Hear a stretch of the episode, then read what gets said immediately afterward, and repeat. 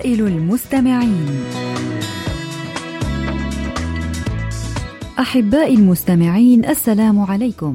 أهلا ومرحبا بكم في هذا اللقاء الأسبوعي المتجدد مع رسائلكم ومساهماتكم القيمة والجميلة.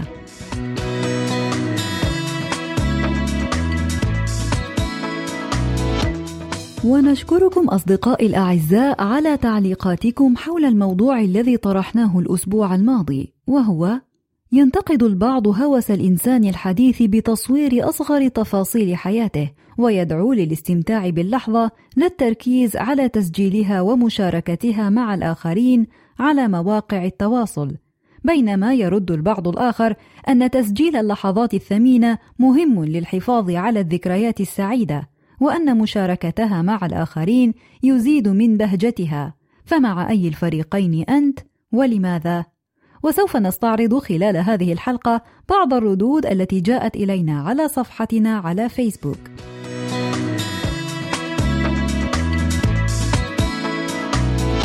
اكتبوا لنا أيها الأصدقاء على صفحة القسم العربي على فيسبوك. وأيضا إذا كان لديكم مقترحات بأفكار ترغبون في مناقشتها عبر البرنامج أرجو منكم إرسالها إلى بريد القسم العربي أو إلى ركن رسائل المستمعين.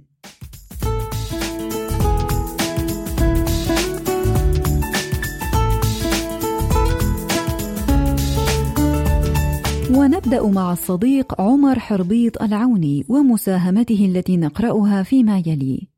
علمتني الحياة.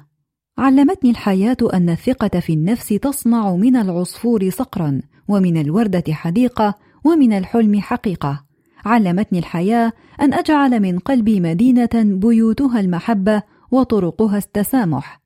علمتني أن الناس معادن لا تظهر ألوانهم إلا في حرارة الصعاب. فمنهم من يبرز لونه الحقيقي المتصدئ أو من يبرز باطنه من الذهب. علمتني أن أصدق مع نفسي قبل أن أطلب من أحدهم أن يفهمني وعلمتني الا أندم وأن أجعل الأمل يرافقني أينما كنت. لا تبالغ بالعزلة ولا تهلك نفسك بالمخالطة الزائدة. اختر معارفك بعناية. لا يهم كم شخصا تعرف. المهم كم شخصا يستحق المعرفة. وكن لنفسك وكن لعونا لها واترك هراء الخلق وامضي في سبيلك. ولا تطمح أن تكون أفضل من الآخرين. اطمح أن تكون أفضل من نفسك سابقا. فالعقول تصغر عندما تنشغل بالآخرين وتكبر عندما تنشغل بذاتها. ثم أضاف بعضا من الأقوال المأثورة التي نقرأها كما يلي. إذا كنت تؤجل كل شيء إلى أن تصبح متاكدا منه فلن تنجز شيئا. صحة الجسم في قلة الطعام، وصحة القلب في قلة الذنوب والآثام، وصحة النفس في قلة الكلام. ثمرة القناعة الراحة، وثمرة التواضع المحبة. يصدأ الحديد إذا لم يستخدم، ويركض الماء إذا لم يتحرك، وهذا هو ما يحدث للعقل إذا لم يفكر. سئل أحدهم عن سبب بشاشته واستبشاره الدائم، فأجاب: أستحي من الله تعالى أن أحزن وأمري بيده. الكلام اللين يغلب الحق البين. كلنا كالقمر له جانب مظلم. لا تتحدى إنسانا ليس لديه ما يخسره. العين التي لا تبكي لا تبصر في الواقع شيئا. المهزوم إذا ابتسم أفقد المنتصر لذة الفوز. نشكرك شكرا جزيلا على هذه المشاركات الطيبة والجميلة كالعادة.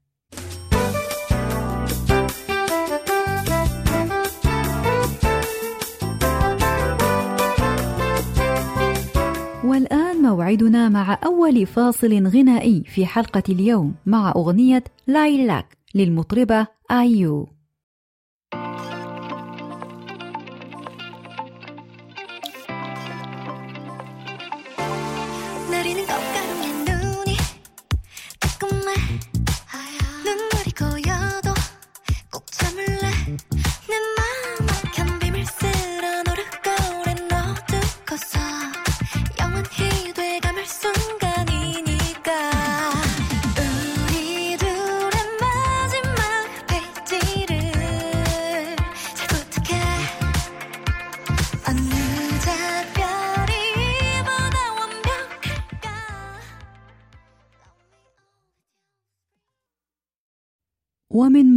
أرسلت إلينا الصديقة سارة كامل مساهمة مميزة عن العالم الكبير ابن الهيثم. تميز ابن الهيثم في نظريته عن الضوء والرؤية، فهي لم تكن مبنية على أي نظرية سبقتها في التاريخ القديم أو الإسلامي، فهو أول من درس العدسات واكتشف قدرة العدسة المحدبة على تكبير الأجسام، وقد تمت الاستفادة من هذا الاكتشاف لخدمة الناس في القرن الثالث عشر الميلادي في صناعة النظارة، أي بعد ما يقارب مئة سنة من اكتشاف ابن الهيثم كما أنه درس طريقة مرور أشعة الضوء عبر مواد مختلفة ليكتشف قواعد انكسار الضوء. وهو أول من قام بتجربة تشتيت الضوء إلى ألوان الطيف الأساسية وعندما حكم عليه بالإقامة الجبرية لعشر سنوات كتب أطروحته العلمية عن البصريات وسماها كتاب المناظر الذي اعتبر من أكثر الكتب المؤثرة في الفيزياء المعاصرة وفهم الرؤية والضوء بما يضاهي كتاب الأصول الرياضية للفلسفة الطبيعية لإسحاق نيوتن. اهتم ابن الهيثم بدراسة العديد من الظواهر الفيزيائية كالظل والكسوف وقوس قزح كما درس ابن الهيثم طبيعة الضوء الفيزيائية وبناء على نظرياته استطاع تفسير ظاهرة تضخم حجم الشمس أو القمر عندما يقتربان من خط الأفق. ومن أكثر ما عرف عنه أنه من أوائل من استخدم حجرة التصوير المظلمة والكاميرا ذات الثقب كما أنه اجتهد في تفسير آلية الرؤية في العيون مناقضا نظريات العالمين بطليموس وإقليدس عن الرؤية التي تقول أن الأشعة الصادرة من العينين هي ما تمكنهما من رؤية الأجسام.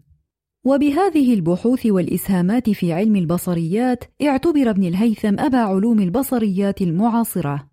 نشكرك على هذه المساهمة القيمة المنعشة. وما أحوجنا اليوم بعالم كهذا يخرج من بني جلدتنا من جديد ليري العالم كيف هي الحضارة الإسلامية والعربية.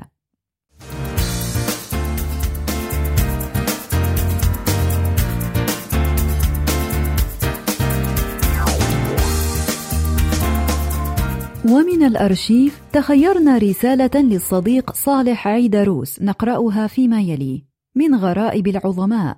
كان نابليون بونابرت يقضي وقت الفراغ في حل الألغاز والمعميات وربما صرف ساعات يحاول أن يستنبط لغزا يعجز أصحابه عن حله. وكان جورج واشنطن ولوعا بصيد الثعالب. وكان كلما اصطاد ثعلبا صغيرا جاء به إلى منزله وأخذ يعلمه بعض الألعاب.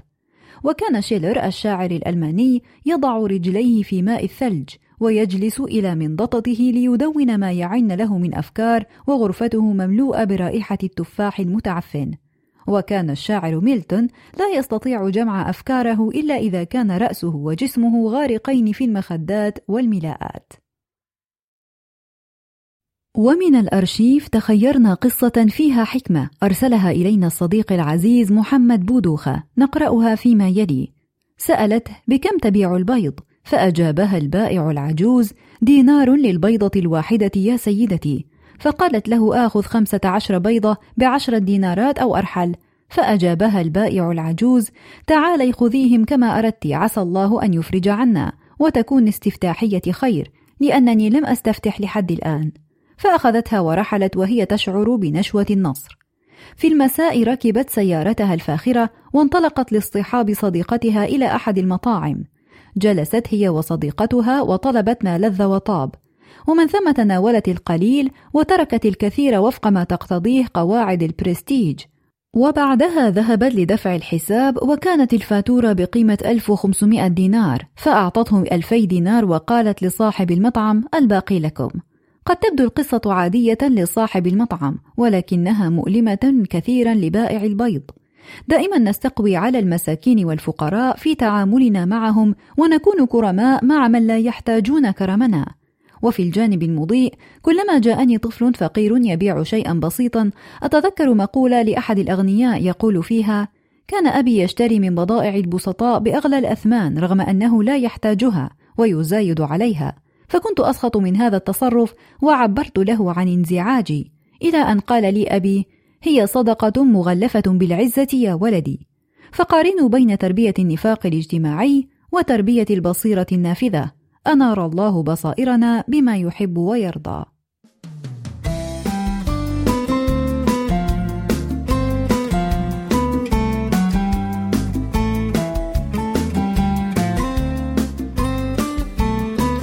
حان موعد فقرة الأقوال والحكم المأثورة. أرسلها إلينا هذه المرة الصديق علي عبد الشكور. نقرأها فيما يلي. عندما تكون ساكنا تجد أن قدرتك على فهم الحياة في أنقى أحوالها. رون روثنبون.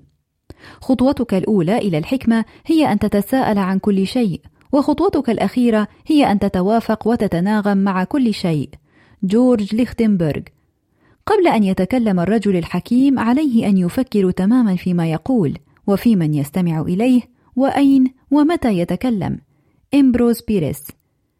لاكتساب المعرفة على المرء أن يدرس ولاكتساب الحكمة عليه أن يلاحظ. مارلين فوز سافانت. كل موقف من مواقف الحياة يتطلب تعاملا خاصا والفطنة أن تتعامل مع كل موقف منفردا بما يناسبه. عبد الله بن المقفع. كي تكون صادقا في تقييم نفسك قم بمحاسبتها على أنك شخص آخر وحاول أن تحصي ما لها وما عليها. أبو جعفر المنصور. إن الحكمة هي صاحبة الشريعة والأخت الرضيعة لها وهما المصطحبتان بالطبع المتحابتان بالجوهر والغريزة. ابن رشد. البحث عن الحكمة هو أحد الخطط للوصول إلى السعادة. جيم برون الذكي يعرف من إجاباته والحكيم يعرف من أسئلته. نجيب محفوظ. نشكرك على هذه المساهمة القيمة ونتمنى أن ترسل إلينا المزيد منها في الحلقة القادمة إن شاء الله.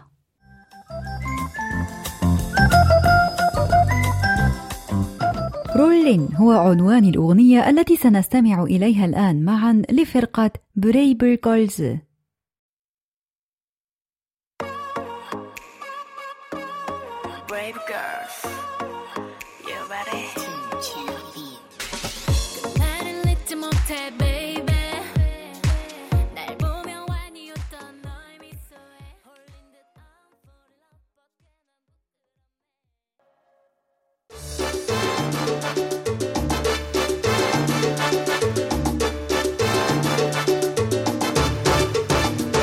أحبائي وأصدقائي أدعوكم جميعا إلى إرسال تسجيلاتكم الصوتية التي تحتوي على مساهمات أو أشعار أو كلمات كتبتموها بأنفسكم أو حتى مقترحات أو أفكار أو أي رسالة تريدون توصيلها عبر البرنامج. شكرا للصديق علي عبد الخالق على كلماته التي تقول تضعك المعرفة في صفوف الحكماء، ويضعك العمل في صفوف الناجحين، ويضعك التفاهم في صفوف السعداء. وأرسل إلينا الصديق بو علي مؤمن يقول: من السهل أن تصدق كاذب، ومن الصعب أن تكذب صادق، ومهما طال الزمان ستكشف الكاذب، ولكن من الغباء أن تصدق الكاذب لمدى طويل، فالصدق صعب والكذب سهل، والأغلب يبحث عن الأسهل للأسف. شكرا للصديق محمد سعيد على الكلمات الثمينة التالية: الفرق بين الحكيم والجاهل أن الأول يناقش في الرأي والثاني يجادل في الحقائق. شكرا للصديقة نهير محمود التي أرسلت تقول: كل الأفكار الحكيمة تم التفكير فيها آلاف المرات، ولكن لكي نجعلها أفكارنا نحن، علينا أن نفكر فيها مرة أخرى بصدق حتى تتغلغل جذورها في أعماق تجاربنا.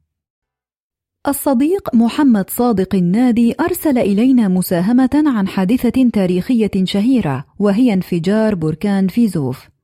تعد ثورة بركان جبل فيزوف عام 79 ميلادية من أشهر الكوارث الطبيعية وأكثرها فتكا في التاريخ. وأظهرت دراسة جديدة أن البركان الهائج قضى على آلاف الأرواح في بومبي في 15 دقيقة فقط، حيث مات معظم الضحايا اختناقا بسبب السحابة العملاقة من الرماد البركاني والغازات التي أطلقتها ثورة البركان. ويعتقد الباحثون أن نجاة معظمهم كانت ممكنة، إذ استمرت الأعمدة القاتلة المعروفة باسم تدفقات الحمم البركانية لبضع دقائق فقط، لكن المدينة ظلت غارقة لمدة عشرين دقيقة تقريبا فيما يبدو. وتشير التقديرات إلى أن ما لا يقل عن ألفين شخص فقدوا حياتهم تأثرا بثورة البركان حيث قتل البعض بسبب هطول الأمطار من الصخور البركانية بينما قد يكون البعض الآخر مات دهسا في حالة من الذعر المحموم.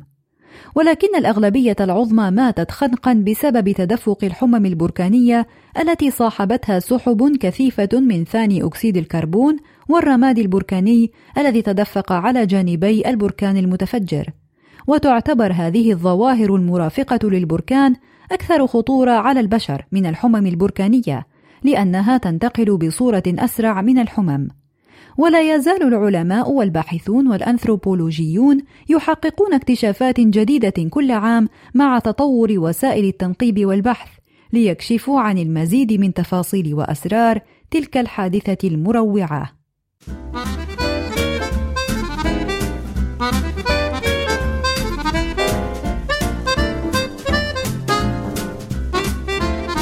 الصديقة سارة محمد أرسلت إلينا كعادتها مساهمة عن قصة فيها عبرة نقرأها كما يلي: كان هناك شاب دائما يشعر بعدم الرضا عن حياته، وأنه يريد تغيير كل ما يوجد حوله، فذهب في يوم من الأيام إلى معلمه ليبلغه بما يحدث له، فقام المعلم بنصحه أن يقوم كل يوم بتناول كوب من الماء وبه حفنة من الملح. بالفعل عندما رجع الشاب إلى بيته قام بما قال له المعلم لكنه عاد وذهب في اليوم التالي إلى المعلم وسأله هل شربت الماء؟ فأجاب لا لم أستطع شرب الماء وهو مالح ضحك المعلم وطلب من الشاب أن يذهب معه ويضع حفنة كبيرة من الملح في البحيرة.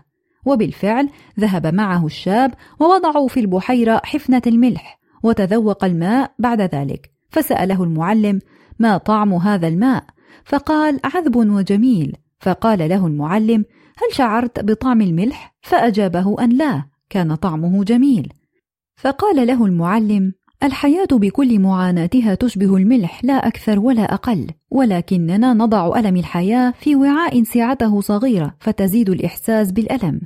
فإن قمنا بوضع الألم في موضعه الحقيقي بحيث لا يسيطر على حياتنا واهتممنا بالأمور الإيجابية فهذا يجعلنا نشعر بالتحسن وأن الحياة تمشي في مسارها الطبيعي. فلا تجعل نفسك مثل الكوب بل اجعل نفسك مثل البحيرة. وما أحوجنا اليوم في عصرنا هذا وخاصة الأجيال الجديدة إلى هذه الحكمة العظيمة وراء هذه القصة البسيطة.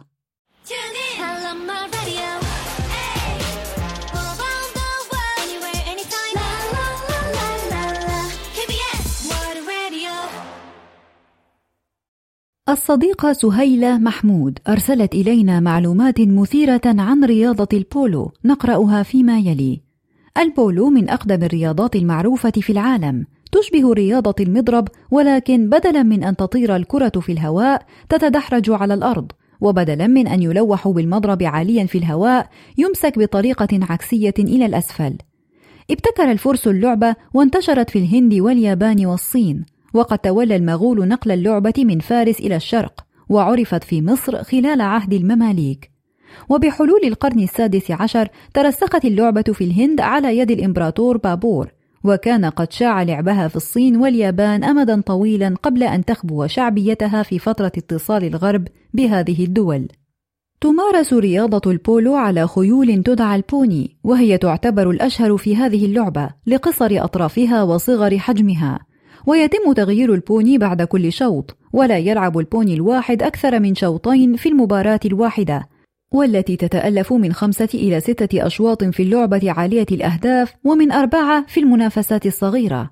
وتتكون فرقة البولو من أربعة لاعبين وتبلغ مساحة ميدان البولو حوالي 275 متر في 180 متر. تقسم اللعبة إلى أشواط يستغرق كل شوط سبع دقائق والنصف الدقيقة. وتسجل الأخطاء ويعاقب عليها إذا عبر أحد اللاعبين جانب اللاعب الآخر بصورة خطيرة أو إذا ضربه، ويسمح بإبعاد الخصم عن الكرة أو تثبيت عصاه في مكانها لإعاقته عن ضرب الكرة. نشكرك على هذه المعلومات اللطيفة التي تضمنت شرحا مبسطا لهذه اللعبة أو الرياضة المثيرة والجميلة وغير المألوفة بكل تأكيد.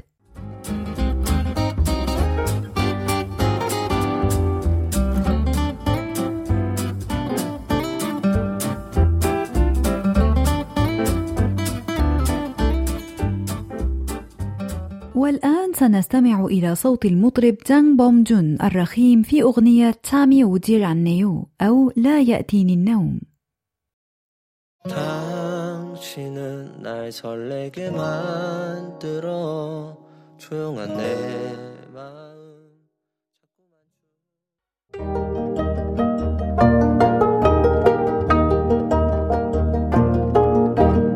قضية الأسبوع وموضوع هذا الأسبوع هو الحرص على تصوير لحظات مهمة من حياتنا ومشاركتها على وسائل التواصل الاجتماعي.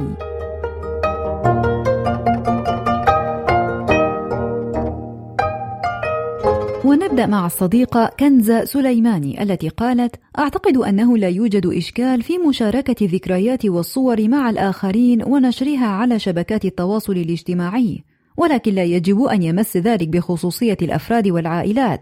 فأحيانا يكون نشر الحياة الخاصة بأدق التفاصيل على شبكات التواصل الاجتماعي مبالغا فيه بهدف الشهرة وربح المعجبين.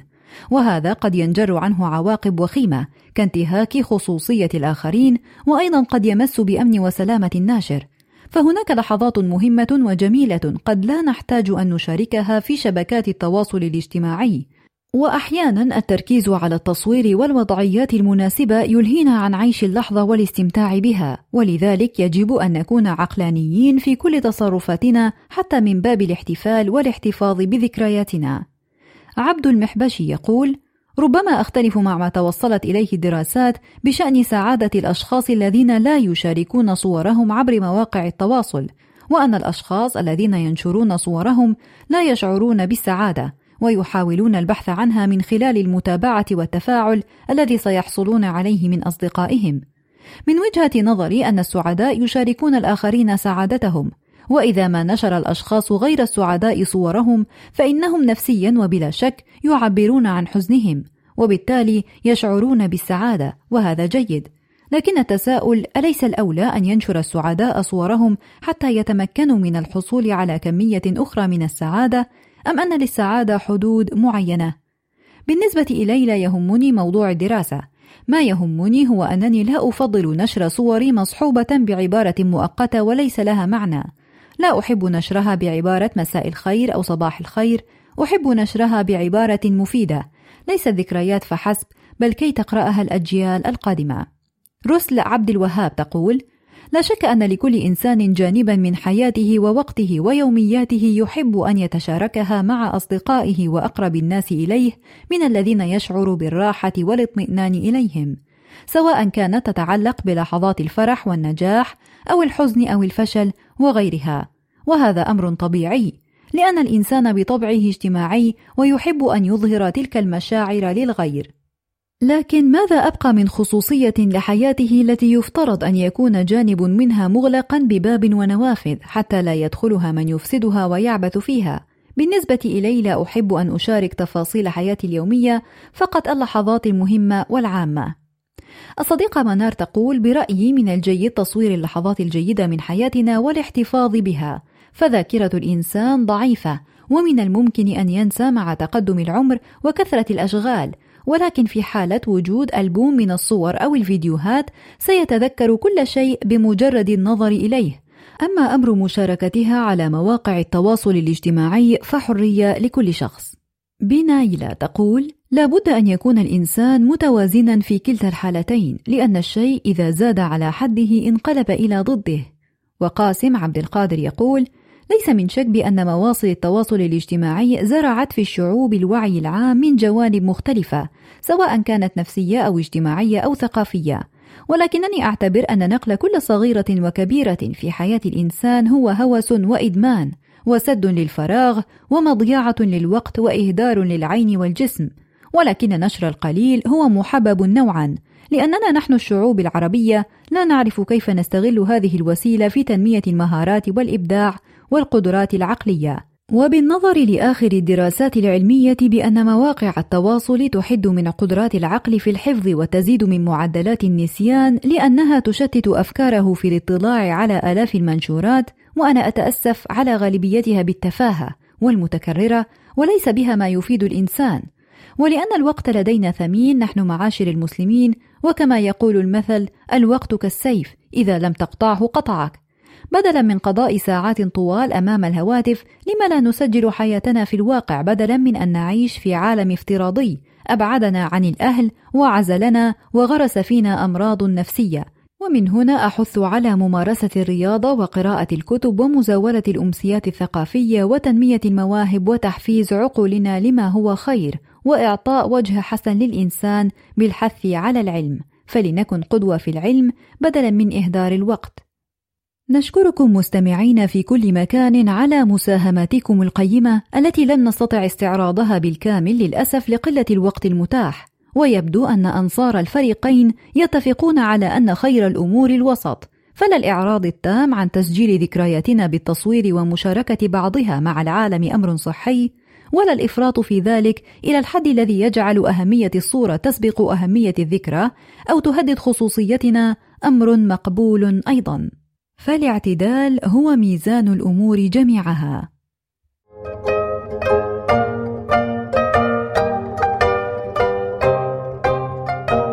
نشكركم أيها الأصدقاء الأعزاء على كل مشاركاتكم القيمة وننتظر منكم المزيد من المشاركات المفيدة والجميلة وسوف نواصل معكم بعد قليل.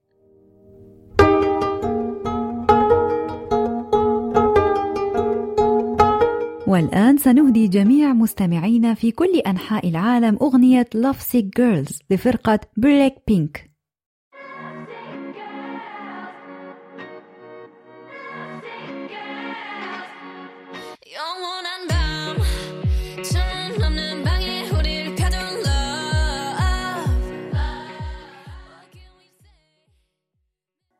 ونختتم بجلسة شعرية لبعض رباعيات الخيام. عامل كأهليك الغريب الوفي واقطع من الأهل الذي لا يفي. وعف زلالا ليس فيه الشفا واشرب زعاف السم لو تشتفي. أحسن إلى الأعداء والأصدقاء فإنما أنس القلوب الصفاء. واغفر لأصحابك زلاتهم وسامح الأعداء تمحو العداء. عاشر من الناس كبار العقول وجانب الجهال أهل الفضول. واشرب نقيع السم من عاقل واسكب على الأرض دواء الجهول. من يحسب المال أحب المنى ويذرع الأرض يريد الغنى.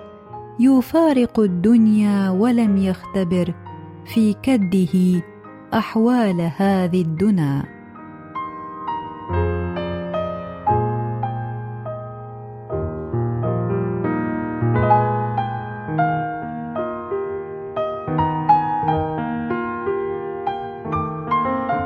هكذا أيها الأحباء وصلنا وإياكم إلى ختام حلقة هذا الأسبوع من برنامجكم المحبب رسائل المستمعين.